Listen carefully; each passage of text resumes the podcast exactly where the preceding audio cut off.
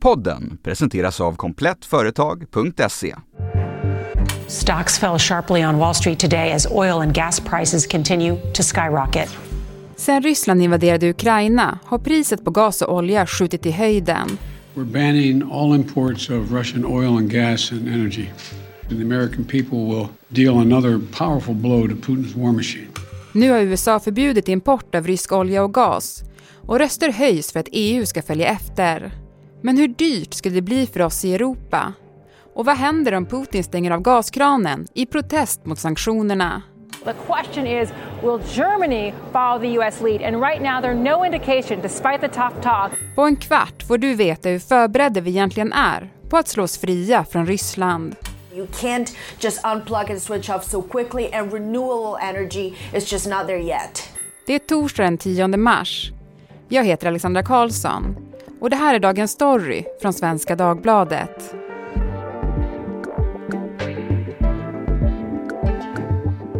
Mikael Törnvall, näringslivsreporter här på Svenska Dagbladet. EU har ju satt in enorma sanktioner mot Ryssland, men inte på olja och gas.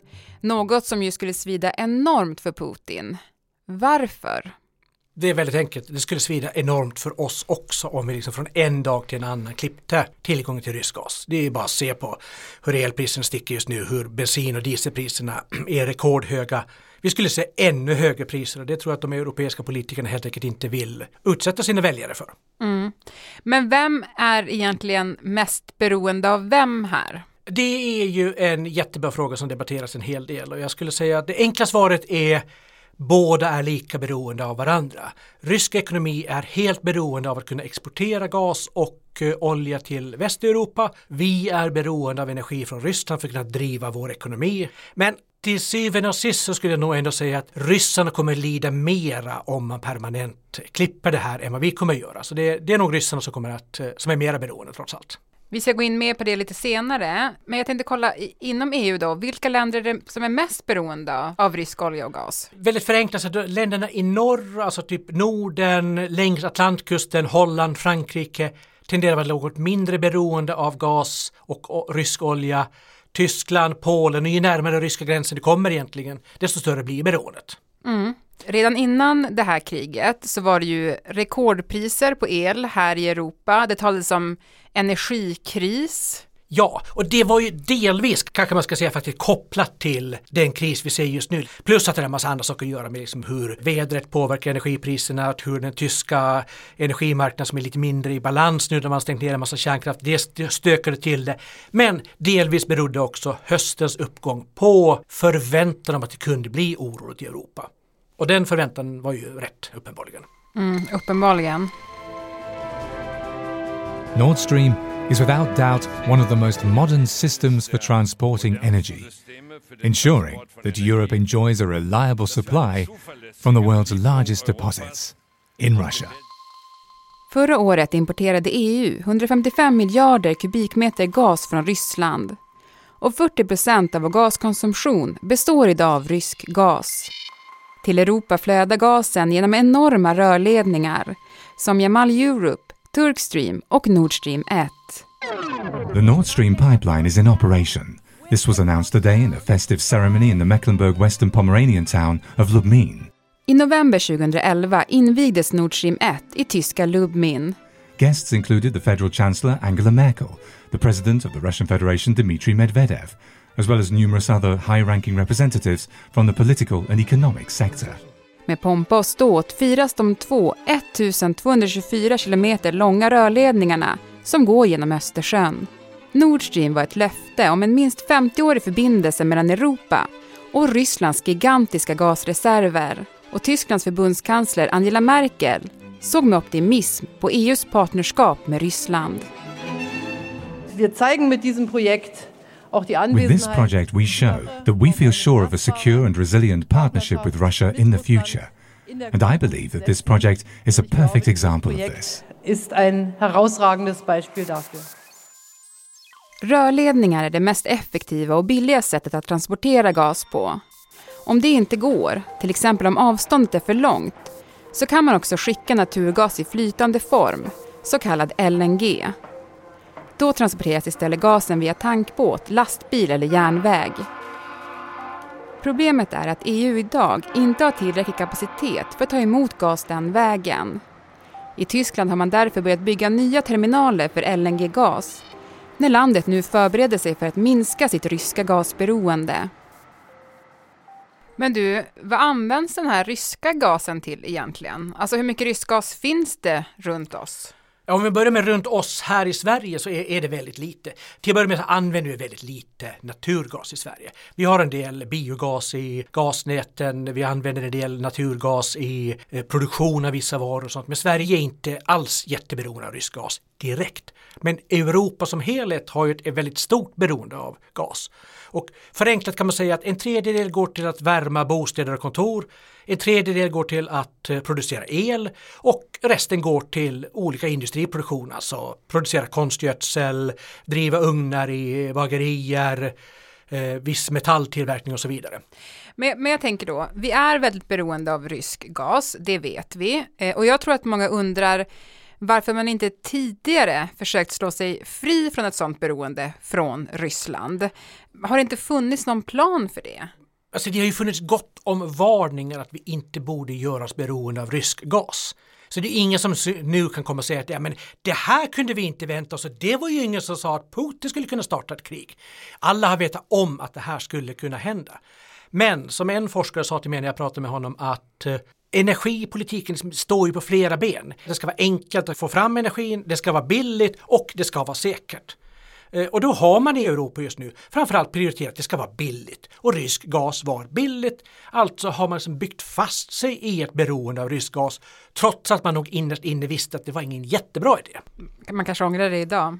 Det är nog rätt uppenbart att det är nog ganska många politiker som inser att det här borde man aldrig ha gjort. Man borde inte ha satt sig så djupt i det här beroendet. Mm. Och nu är ju det beroendet någonting man verkligen jobbar med kan man ju säga eh, inom EU eh, och man har ju släppt Eh, en rapport för, att, för en plan för att minska det här beroendet av rysk gas. Vad kan man säga om det arbetet som pågår? Alltså man kan säga att både EUs plan och eh, internationella energimyndigheternas planer är en lista på saker man borde ha gjort för tio år sedan.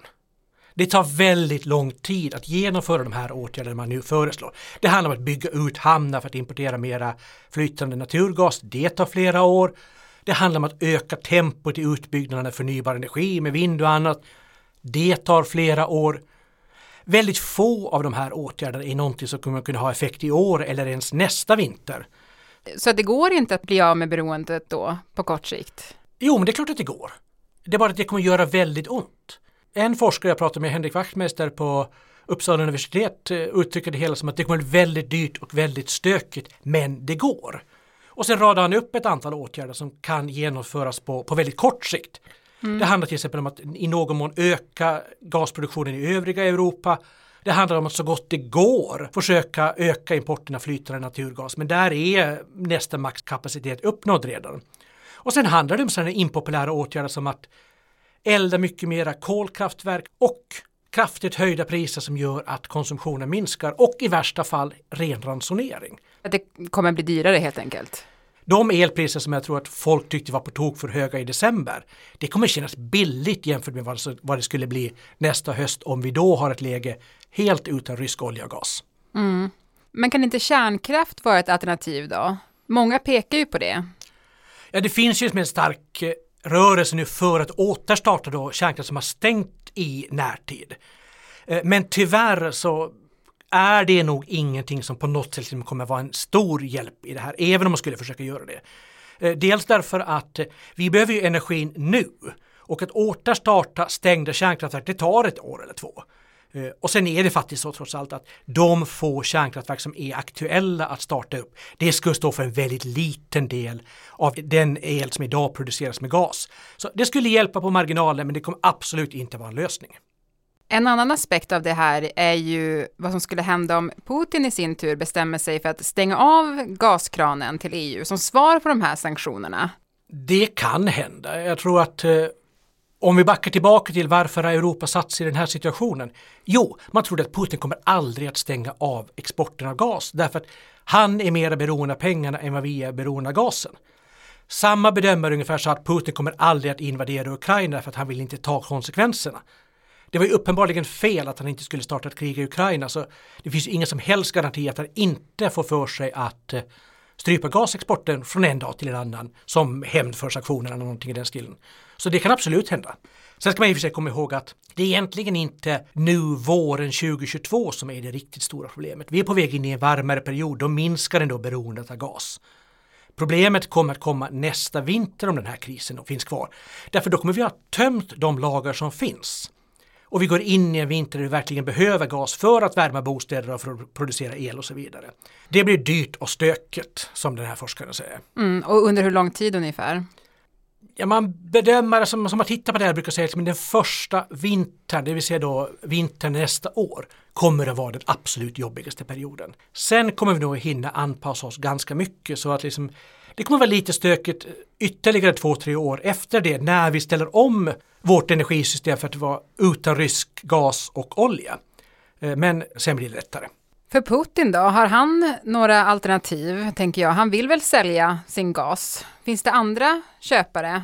Problemet för honom är inte att hitta köpare, problemet är att hitta köpare som betalar lika bra som vi har gjort. Indien, Kina och ett antal andra länder kommer säkert att köpa hans energi, olja och gas.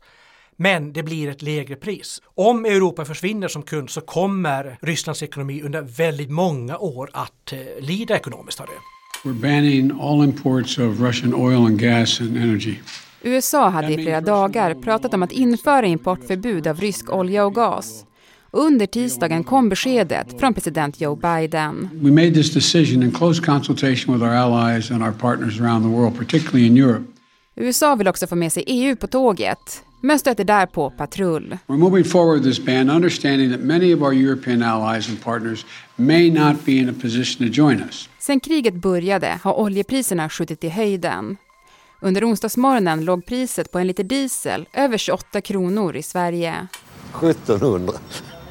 Förut tankade jag fullt för 900 kronor då för några månader sedan.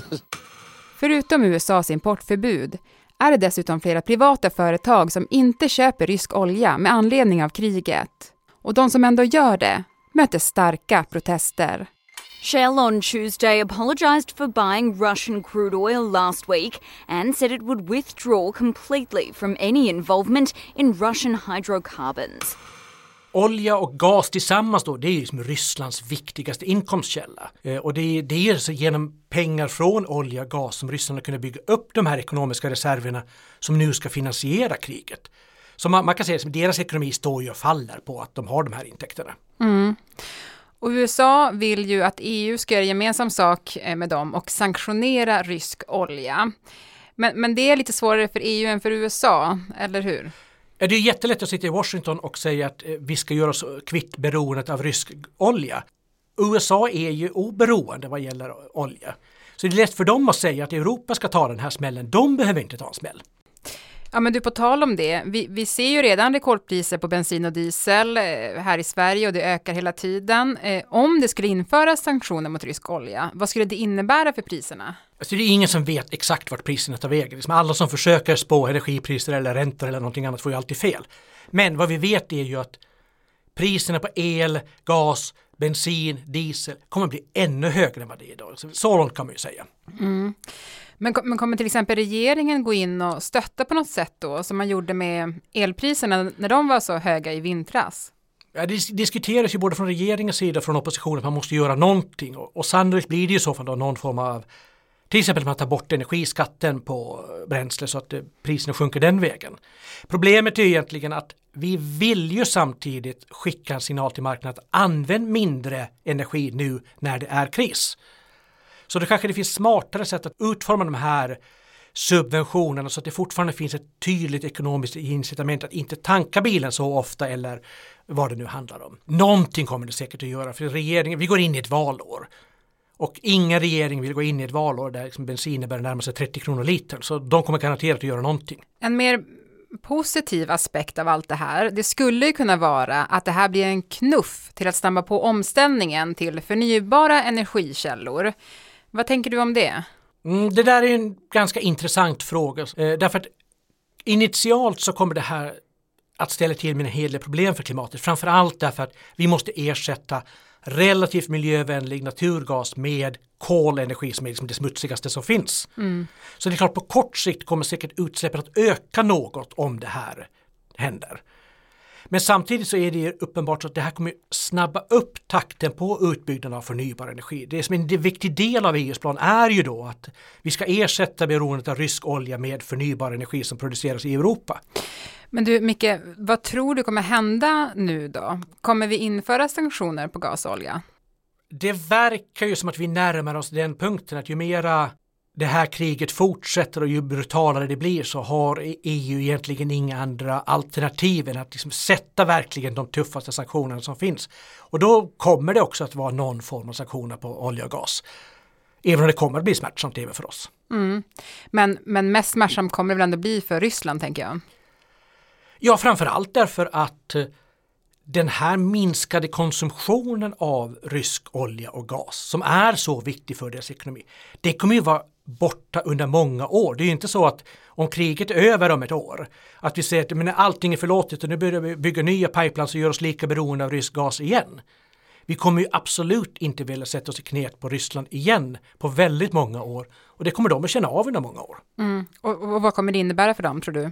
långsiktigt en mycket sämre ekonomisk utveckling i Ryssland och, tror många bedömare, det som till slut knäcker Putins makt. Alltså både folket och oligarkerna kommer till slut att säga enough is enough.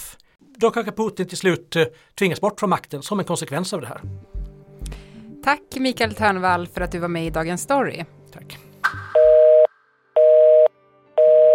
Är du som företagare trött på dålig eller till och med obefintlig service? På att aldrig komma fram i långa telefonköer? Vill du bli sedd och få just dina unika IT-behov mötta? Komplett Företag är en modern IT-återförsäljare som tror på kraften med en riktigt bra webbshop tillsammans med en riktigt bra kundservice. Välkommen till komplettföretag.se, din partner inom IT och kontorsutrustning online. Programmet idag producerades av Kajsa Linderoth. Redaktör var Erika Hallhagen. Och jag heter Alexandra Karlsson. Vill du kontakta oss så mejla till dagensstory.svd.se. Klippen i dagens program kom från CBS, CNN, CNBC, Bloomberg, Nord Stream AG, Aktuellt och Reuters.